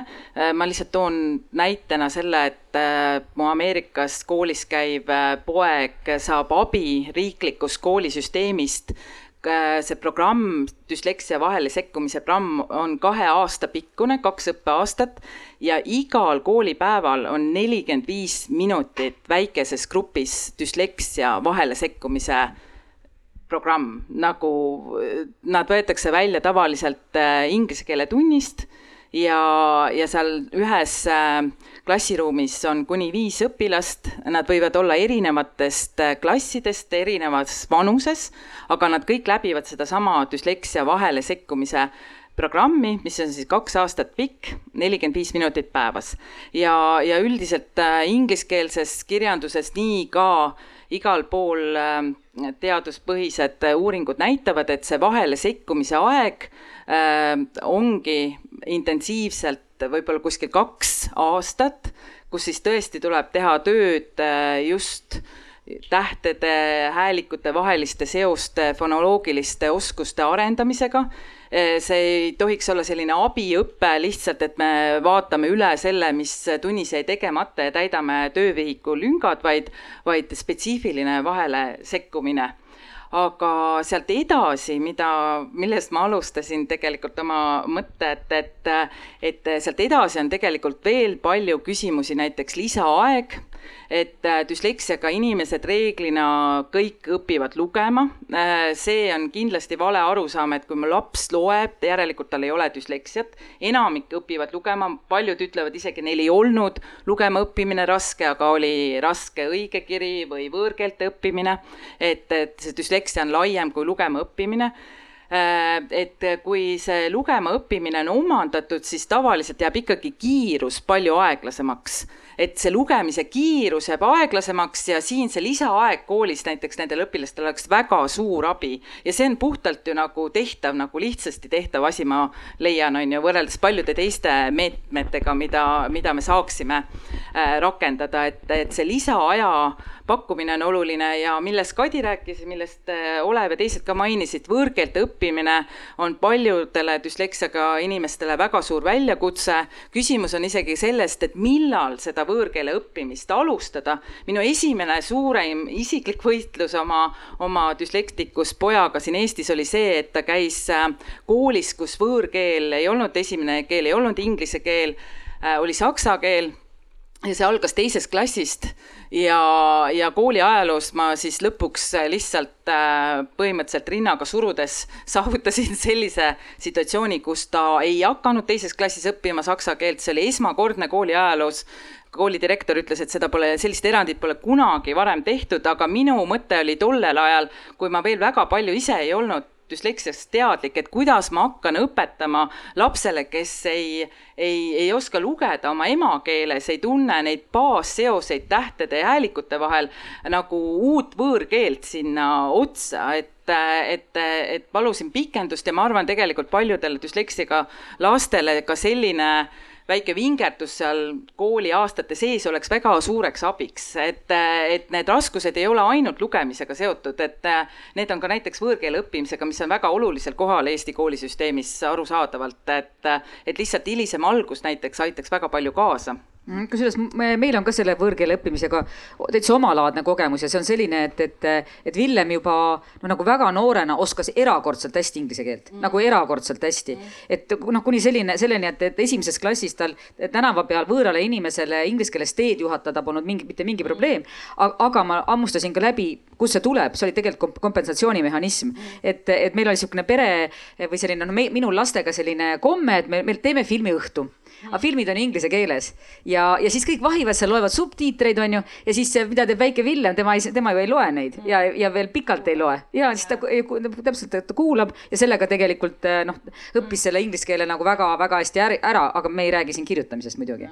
aga noh, koolis, kui sul oleks sada saksakeelset sõna järgmiseks ja, nädalaks, on ja, teine situatsioon. ja sõnade kontroll, eks ole, ja nii edasi, et see on täitsa teine teema just, jah aga lisaaja võimaldamine on meil koolis täiesti, täiesti meetodina ja, ja meetmena kasutusel. aga selleks peab jõudma selle tõdemuseni, et jah, tal on seda vaja. ja see... no seda küll jah. seda lisaaega on vaja ka nagu väikeste kontrolltööde tegemiseks, mitte ainult eksamite Lis tegemiseks. lisaaega on vaja ka õppimiseks. et lisaaega on vaja ka. õppimiseks ja mm. reageerimiseks äh, ülesandele ja, ja ka sellele lugemis, lugemistükile, mida ta parasjagu loeb, siis olgu ta väga lühike jupp soovite te veel midagi lisada? Noh, see oleks sihuke väike vaherepliik, aga minule teises klassis üritati õpetada või noh, tervele klassile õpetada vene keelt äh, nagu ladina tähtedega et, et, et ei ole probleemi, saab igalt poolt. aga kui te ütleksite, Kristel ja Olev, nagu mingi ühe väga põhimõttelise asja, et kui koolis oleks olnud ta-ta-ta-ta, siis oleks teil ma ei tea, palju lihtsam see või teine, mis see, mis see, mis see asi võiks olla? no esiotsa oleks aidanud äh, logopeedist okei väga lihtne asi tegelikult. väga lihtne asi ja ma arvan, et see mind päästiski, ma ütlen, et mul see esimene õpetaja tõenäoliselt oli nii tubli ja tugev, et tema mind oma tiiva alla võttis. see tugiisik äh, on ta siis logopeed, see võib olla ju ka klassijuhataja, kes nagu asjast midagi teab ei ole oluline mitte ainult lapsele, vaid eh, võib-olla alguses isegi vanemale on see olulisem mm. -hmm aga, aga me võiksime korra peatuda ka tegelikult täiskasvanuna taipamisest, et mul võib olla düsleksia et eh, siin ma tegelikult küsin teie kui spetsialistide abi, et, eh, et see see võib ju võimalik olla, praegu on hästi moes see, et, et täiskasvanuna tagantjärgi diagnoositakse, et oi, mul on eluaeg ATH olnud või oi, ma olen olnud tegelikult Asperger, et, et mõtle, kui huvitav, et, et, et tegelikult on ju seesama düsleksiaga, et, et, et paljudel nagu sulgi jõuab see tõdemus täiskasvanu eas. aga, aga mis see, mis, ma saan aru, et seesama, see küsimustik, mida me siin laiali jagasime, on üks, üks nagu abiline, aga, aga võib, kas oskate tuua veel midagi, mis, mis, mille või noh, mingi põhilised asjad, mille, mille puhul võiks mõelda, et oot-oot-oot, nüüd võib-olla istuge maha, puhake jalga ja arutlege, kas teil võib olla see, see düsleksia teema. oskad, jah, Kristel no,? Jaa, eh, ma tean eh, ühe kolleegi jutust, et eh, tema juurde, logopeedi juurde tuligi täiskasvanud inimene ja ütles, et tema tahab nüüd paberit, et tema, et kes diagnoosib selle, kes annab talle paberi, et tal on probleemid ja tal oleks palju lihtsam hakkama saada mm. -hmm. et tegelikult see on, on probleem mm. -hmm. Nõus, et tegelikult tööandja võib ju noh, nagu samamoodi ütleme, saadad CV, kus on kirjavead sees, on ju, ja siis see, see, see jätab sinust ju kui noh, rumala mulje, eks ole, et, et et sul on võib-olla väga keeruline kvalifitseeruda ka, li, ka väga suhteliselt lihtsale tööle mm. -hmm. no ma sisu poole pealt arvan, et kõige eh, tähtsam, kui see, see on ka tähtis, et, et keegi ütleks, et jah, on nii, aga, aga veel tähtsam on nagu see abi saamine ja, ja mis ma selle teadmisega teen mm. -hmm. et ähm, et kas see nüüd on mõte, et igale sinna CV-le ja alusesse panna see märge, et selle teksti on koostanud düsleksiaga inimene, et noh, nii ja naa, eks ole, aga et, et mingit abi, mingit tuge saada ja, ja täiskasvanu eas nüüd see lugemisõpetus, mis ma ka siia kirja panin, et ähm, kindlasti on sellel ka omad, omad näidustused ja oma, oma nagu edu võimalik saada. aga, aga rohkem võiks olla abi sellistest strateegiatest just, et kuidas ma loen, kuidas ma seda loetut fikseerin, kuidas ma sellest mingisuguse süsteemi enda jaoks teen kuidas, kuidas ma sellega siis hakkama saan. Ja kui nüüd on tõesti, et kirjutamine on vigane, siis see, see, mis Olev ütles, et keegi vaatab üle et see on hästi levinud, levinud võte ja, ja julgen, ohoo, julgen ka soovitada, soovitada seda, seda teha. Ja ma ikkagi, ikkagi lohutan, et düsleksia ei ole ühise köögiõhu kaudu nakkav. Pigem on see võib-olla harmoonilise abielu tunnus, et paar, paarid lähevad lõpuks sarnaseks et, et leida endale tubli ja, tubli ja ustav kaaslane, kes vead parandab ja, ja seda infot kroonikale ei müü, siis. ja kuigi samas sellise noh, vigade parandamise koha pealt, siis ma näiteks, kui ma kujutan enda firmat ette, siis meil on hästi palju töös toimub kirjavahetuse teel, meili teel, osakonna, osakonnad suhtlevad omavahel lihtsalt suures majas kirja teel ja samas näiteks noh, ma ei näe mitte mingit probleemi, kui keegi reklaamimüüja oleks düslektik, et ta, ta müüks mühinal oma reklaamid ära, et selles pole nagu üldse, üldse probleemi, aga tõsi võib olla see, et kui ta kirjutaks vigadega, siis seal tekiks mõtleks, et mis ahahaa, mis see nüüd on või nagu kujundaja või fotograaf oleks düslektik, et ta teeks oma tööd ju tegelikult väga hästi, et, et selles pole mingit probleemi. aga samas tõsimeeles mingit, ütleme, sisemine töö käib väga palju meilide teel või kirja, kirja või kirjavahetuse teel Mm -hmm. et tegelikult need meetodid, kuidas saab ennast, endast kontrollida nii-öelda ebatavalisel viisil on noh, üks, mida ma ei ole mujalt nagu väga kuulnud, mina loen tekste tagurpidi, sõnahaaval. ahah et niimoodi lähen nagu tagurpidi ja siis ma nagu tuvastan need vead ära, sest muidu ma nagu tean, mis seal kirjas on ja siis ma ei, ei leia neid vigu üles. ahah, väga-väga huvitav mm. -hmm no nii, aga hakkame asja, hakkame otsi kokku tõmbama, et, et, et mida me oleme saanud siis nüüd teada. Kadis, järsku sa soovid rääkida, mis, mis sa oled üles kirjutanud? et äh, ma nüüd tahaks vaadata, et kas kõik märksõnad on ikka meil läbi käinud oleme kõigist asjadest rääkinud. sain just raskustega üles selle plakati. nii. et äh, rääkisime, et see on raske, üksi olemisest, eks ole, rääkisime. surve, võib-olla see surve osa on nagu jäänud vähem rääki, räägituks, et, et kas te olete, Kristel ja, ja Olev nüüd just ja, ja võib-olla siis saali ikka ka küsimus, et et kas selle kehva lugemise ja kirjutamisega seoses on mingit sellist nagu äh, jõudu ja survet ka olete tundnud? vahetult ilmselt mitte, sest minult on lapsepõlves alati oodatud vähem, kui ma olen võimeline olnud. No.. et see nagu on välistanud selle seisu tekkimise, aga ei, hilisemalt küll nagu väga mitte, et vähemalt mitte selles otseses võtmes ei ole ma seda tunnetanud minul jälle on vastupidi, et kuna ma sellel alal tegutsen, siis, siis ma tunnen seda küll, võib-olla keegi ei heidakski mulle midagi ette, aga ma ise tunnen seda. ja lapsepõlves ka eh, noh, et miks ma seda suurt tööd tegin, oligi pigem see, et eh, ema sundis ju Mm -hmm. sealt see surve ikkagi oli, aga ma muidugi olen tänulik selle eest. ma jälle pean enda poole tunnistama, et, et, et, et ma olen ikka ise küll täiesti suurt survet avaldanud, et noh, et kuidas see nüüd ei tule ja kusjuures noh, tänapäeval on sa võid tähti õpetada mõmmiaabitsa järgi, aga võid ka võtta iPad'i appi on ju, et kus saab, seal on siuksed programmid, et kus sa saad teha A-tähe, siis tulevad rong tuleb kaasa, et tohutult lõbes, lõbus B-tähel tulevad laternad ja mitte midagi ei jää külge, et, et kuni siis mingi hetk tegelikult äh, läks laps lukku et nii kui see tuli jälle see äh, Mõmmi Aabits või siis mingid mängud, need erinevad mängud, oo, meil on, mul on siin üks uus huvitav mäng, mängime koos, siis ta ammu- hammustas selle kohe läbi, onju, et, et, et ja läks, ta läks lihtsalt lukku, et ma mingi hetk äh, no ütleme, et andsin alla või et, et, et ma sain aru, et sellega, et A, vaata, see on A, et me ei jõua sellega mitte kuhugi, et, et selle lihtsalt selle korrutamisega, et mis on A ja mis on B, et.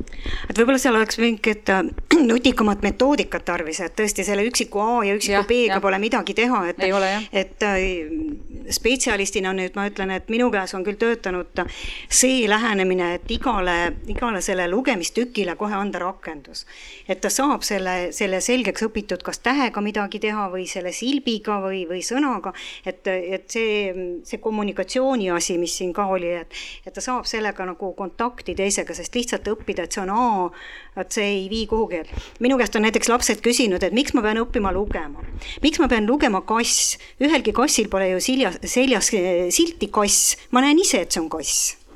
väga loogiline arutelu, eks ole no ja, et vot, vot selle teise metoodika jaoks oleks, me, me, me käisime ju ka logopeedide juures, isegi mitme, et, seal oleks olnud vaja kõigepealt seda silti, mida me ei taha panna ja mida me ei leidnud kuidagi. ja siis sealt juba oleks saanud noh, nagu siis selle teise, teise metoodika. aga me olime ikkagi selle, selle tava, selle mõmm- mõmmi Aavitsa juures, et, et A ja A, eks ole, aga mis siis, kui selle plakati juurde korraks tulla, et eh, ma jätsin siia nüüd sellise vaba koha et, et midagi on teisiti ja oli siis see mõte, et või üks kogemus, et ollakse rumal, eks ole, et sellele ra raske rist peale, kindlasti ei ole need inimesed rumalad, et nad on erilised kahtlemata, aga aga ma ei tõstaks nüüd ka niimoodi pjedestaalile, et ta on düsleksia, tal on düsleksia, et noh, see on midagi, eks ole. et mis, mis see sõna siin võiks olla, selline laiem küsimus? Kas see on normaalne või, või tavaline ja et mida siis teha, et see enesehinnang tõuseks, eks ole, et mm, -hmm. et see, see võiks, võiks ja peaks nüüd olema selle, selle kapist väljatuleku noh, üks mõte, eks ole, et need inimesed ei oleks õnnetud, kuigi ega me ei tea, kas nad ongi nii väga õnnetud, minu meelest Olev ja Kristel on vägagi õnnelikud. no ma jäin siin kõrval nagu mõtlema selle kapi teema peale, et, et selleks, et kapist saaks välja tulla, peaks keegi sind kõigepealt sinna panema. et, et selles plaanis nagu ongi, et kui me jõuaks koolisüsteemi või ühiskonnaga nii kaugele, et me ei paneks neid inimesi sinna kappi, siis ei oleks kellegi põhjust sealt ka välja tulla. et, et nagu pigem ongi võti selles, et, et see ongi lihtsalt üks asi ja kui me suudame seda võtta kui ühe asjana, mis lihtsalt on, et siis meil ei teki ka kõiki neid hädasid, mis meil nüüd äh, selle pooleteist tunni jooksul on tegelikult käsitlemisel olnud mm. -hmm. Kadi, soovid jätkata? no jah, et meil läheb lõpu, lõputiir, eks ole, et mm -hmm, tahaks ikkagi lõpetada vähemalt oma poolt, et sellise reipa, reipa tõdemusega, et elu on võimalik ka düsleksiaga ja abi on võimalik ja mõistmine on võimalik ja me saame selle heaks väga palju teha. Ja on juba tehtud ja, ja teeme veel. ma nüüd küsiks, kas, uuriks, kas on küsimusi või, või jaa, palun. ma soovitan pigem komment-, kommentaare küsida, siin on nii palju spetsialiste, kes igapäevaselt töötavad asjaga. teate, ma ütleks enda poolt aitäh, aitäh, aitäh, seepärast et mina olen üks neist samasugustest patsientidest, kes on kogu selle kadalipu läbi käinud ja üheksakümnendatel koolis käies keegi nagu ei pööranud selle tähelepanu, nii et teerulli alla kogu täiega ja kedagi ei huvitanud, miks.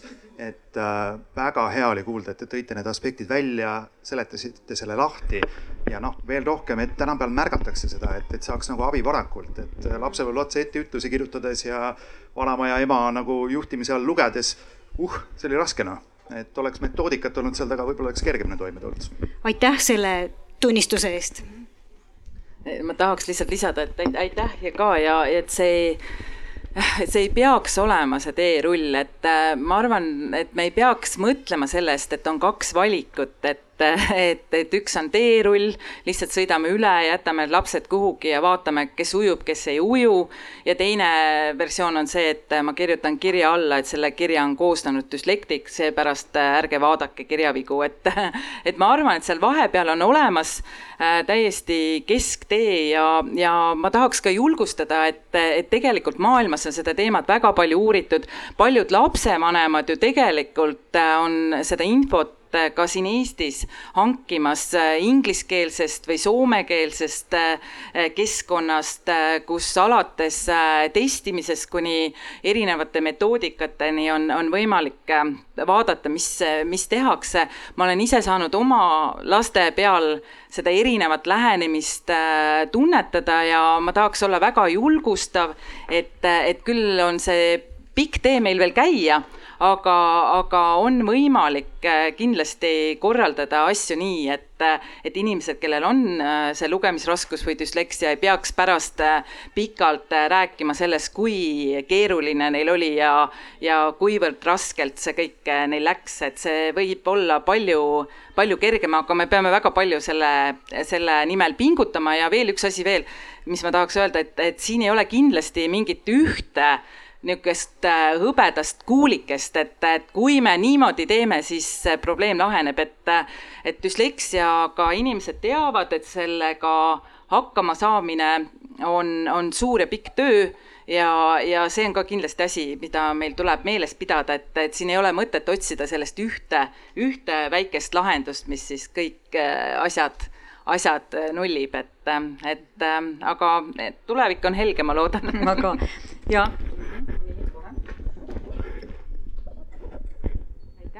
ma tahtsin ka tänada selle artikli eest, et kui ma seda lugesin, siis oli sihuke tohutu kergendus.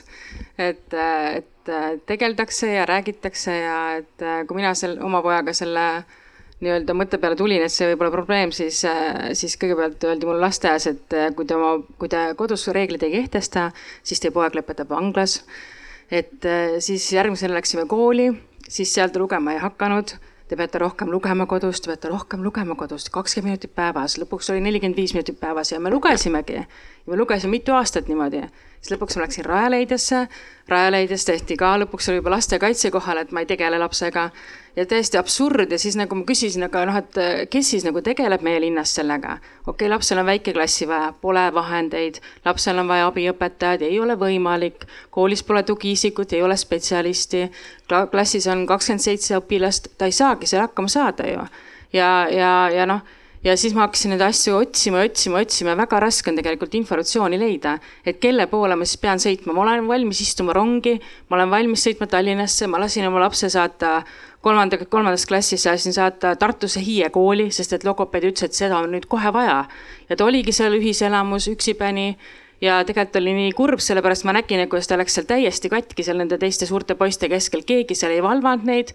ta sai tappa, ta pandi seal noh, pandi rõdule, lukustati ta talvel külmaga. et noh, et nagu nii ajuvaba ja ma ise tunnen ennast nii süüdi, et ma lasin sellel juhtuda kõigel. aga tegelikult ma tegin seda ju selleks, et minu lapsel oleks hea ja tegelikult sellest ei tulnud mitte midagi ja nüüd on meil seitsmes klass kuidagi läbi suurte raskuste lõpetatud ja tegelikult ma ei julge Rajaleidjasse minna enam sest seal oli suur tohutu ümar, ümarlaud ja mind tehti nii maatasa seal. ja, ja samas ma olen ka õpetajatega rääkinud ja tegelikult õpetajad, ta läks viiendas klassis, läks tagasi sinna oma tavakooli ja, ja nüüd ma sain teada, et isegi üks õpetaja, kellega, mis tunnis meil on kõige suurem probleemid, on loodusõpetus, sest et seal tuleb palju lugeda, mida me olemegi lugenud, sest minu õhtul noh, kõik nagu noh, lähevad temaga õppides, aga mul on kaksteist last veel, kes peavad ise hakkama saama. ja nüüd tuli välja, et see õpetaja isegi ei teadnud tema erisusest kuigi ma olen saatnud, äh, seal koolis on mingisugune noh, erinevad spetsialistid, kes seal on, onju. ma olen kõigiga rääkinud, nad ütlesid, nad räägivad ise õpetajatega. Tal on individuaalne õppekava, ta saab nagu noh, selles mõttes on vastu tuldud küll võimaluste piires, aga mõni õpetaja isegi ei tea, et tal on niisugune erisus ja mõni õpetaja isegi ei tea, et mida see sõna tähendab. et eesti keele õpetajale, kus ta on nagu üks-ühele tunnis, saatsin mina in-.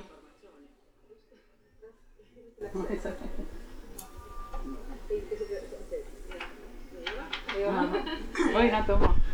et, et kuhu siis pöörduda, kus saada abi, oli minu arust hästi pika küsimuse mõte mm. -hmm. et, et mina ise olen Viljandis ja seal mulle tehakse selgeks, et see ei ole nagu võimalik. ja Viljandis on ka tegelikult, mulle lugesin teie artiklist, on Waldorf kool.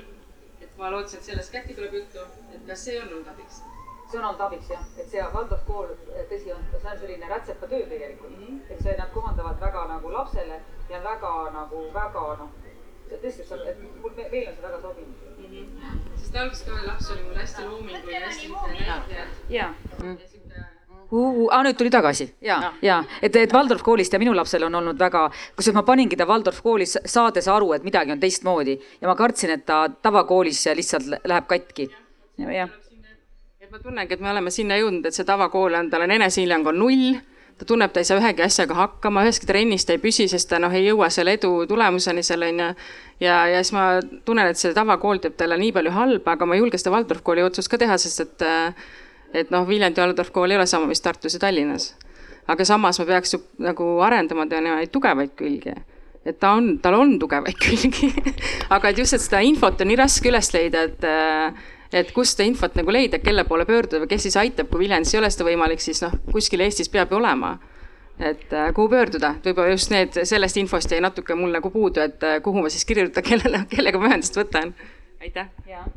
nii, Kadi, Kristel no ma tahaks kõigepealt tänada selle avalduse eest, see on tegelikult nutma ajavalt kurb kuulata, et, et see aastal kaks tuhat kakskümmend kaks, seesama, millest me siin -hmm. kõige alguses rääkisime, et, et see seis on selline, see ei tohiks olla seotud sellega, kus sa elad ja sellega, kui tugevasti su lapsevanem, reeglina siis ema, su eest võitleb kõiki neid eriseisusi koolis või, või kus iganes välja, ega meil ei ole siin praegu mingit head vastust, seesama Rajaleidja süsteem, mis Eestis on ja millega on inimestel väga erinevad kogemused, et, äh, et äh, mina usun küll, et, et ma tahaks seda isegi nimetada võib-olla natukene natuke üle, üle selle, mis ta tegelikult on, et aga selle revolutsiooni taga tegelikult on tihti vanemad et, äh, et ma arvan, et Eestis on ka tekkimas rida vanemaid, kes tahavad, et nende lastel oleks paremad võimalused, aga see ei ole niisugune, et, et saame korra kokku, arutame, et kuidas seda paremini teha ja siis järgmine päev on, et see on suur ja pikk äh, protsess, äh, kus erinevad osapooled, nii õpetajad, lapsevanemad, õpilased ise saavad olla kaasatud, aga meil on väga häid näiteid mujalt maailmast äh, vaadata, kuidas see süsteem võiks olla üles ehitatud ja arvestades Eesti eripära, arvestades ka eesti keele eripära ja kõike, mis sellega kaasas käib äh,, ma usun küll, et meil on võimalik luua siin süsteem äh, sellisel kujul, et, et see teekond ei peaks olema tänasel päeval nii raske, nagu sa just kirjeldasid, et, äh, et ta hetkel on sinu lapsele. et Ähm, et äh, head vastust hetkel ei ole, aga meil on palju indu ja tahtmist. Kristel, Kristel, on sul mõni, mõni mõte? tegelikult äh, mind väga kurvastas see, aga ma olen neid näiteid kuulnud äh, sadu, no ütleme mitte sadu, aga kümneid. et ega ei olegi ja siis ma tunnen hoopis seda ise logopeedina, et tooge see laps minu juurde, ma aitan, aga kõiki ma ei jõua ka kahjuks aidata et ma tahan ka öelda, et eh, spetsialistidel on täpselt samamoodi, noh, käed on, käed jäävad lühikeseks, sest ajad on täis ja järjekorrad on pikad ja, ja vastu võtta saab vähe, aga, aga see ei aita teid täna, eks ole.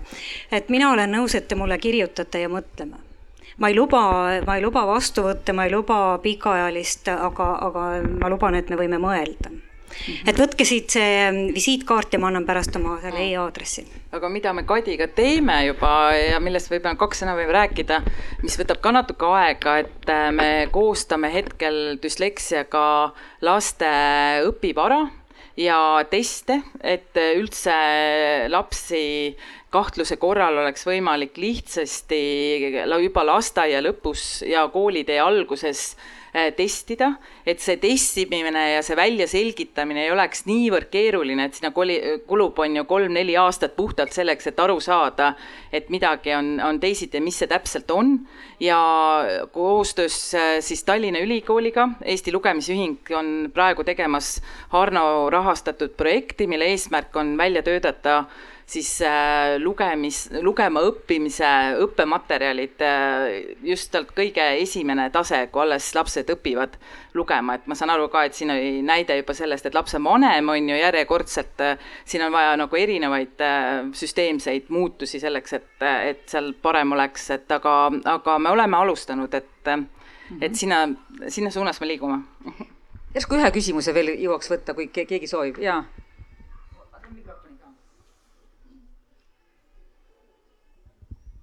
aitäh teile, et äh, rääkisite sellest olulisest teemast.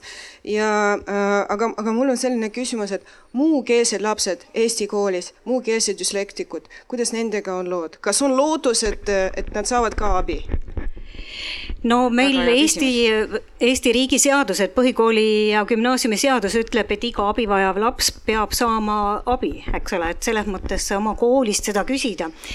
Ja aga, aga vene keeles töötavate spetsialistidega on olukord üldiselt sama. et neid ei jätku, nad on, on koormatud aga, aga kust ma ju, kust ma nüüd ka innustan abi küsima, kui, kui lapsevanemad olete siin, et et äh, omavalitsustest ja kui koolis ei ole nüüd äh, spetsialisti, kes äh, sellega tegeleb, siis omavalitsus on tegelikult kohustatud, noh, koolipidaja on kohustatud seda abi andma ja see on omavalitsus. ja omavalitsused on, on leidnud võimalusi näiteks rahastada neid eravastuvõtte või, või rahastada sõite ühest piirkonnast teise, siin oli nüüd Viljandist jutt, eks ole. et, et küsige oma omavalitsustest samamoodi seda, seda ressurssi aga noh, omavalitsus ei tee inimest juurde, eks ole. Et tugispetsialistidega on täpselt see olukord, mis on paljudes muudes valdkondades, et betooni me oleme panustanud, aga inimestesse mitte, et praegu on ikkagi tegijatest noh, aastakümnete pikkune põud kahjuks, kahjuks tuleb täna seda nii öelda. et ülikoolid on, on suurendanud nüüd vastuvõtte Tallinna Ülikoolis, Tartu Ülikoolis, eripedagoogikas ja logopeedias, aga noh, ettevalmistus on ikkagi päris pikk, eks ole, magistriõpe on viis aastat kõik kokku, eks ole, ainult magister on, on kaks aastat. et täna teid ei lohuta ju see, et viie aasta pärast tuleb spetsialist, kes oleks osanud teie last õpetada selles vanuses, kus ta praegu on, et. et no, kirjutage. sisukaid küsimusi on, siis ma järsku on veel kellelgi midagi, midagi küsida või kommenteerida mm. -hmm. näib, et näib, et mitte, aga siis tõmbame osad kokku, et Roger, soovid sa? meil rohkem enam ühtegi küsimust ei ole, siis mina soovin äh, paluda neile ühe suure aplausi. selge see, et ega keegi kõike teab. puudub laud ja mängida edasi me peame.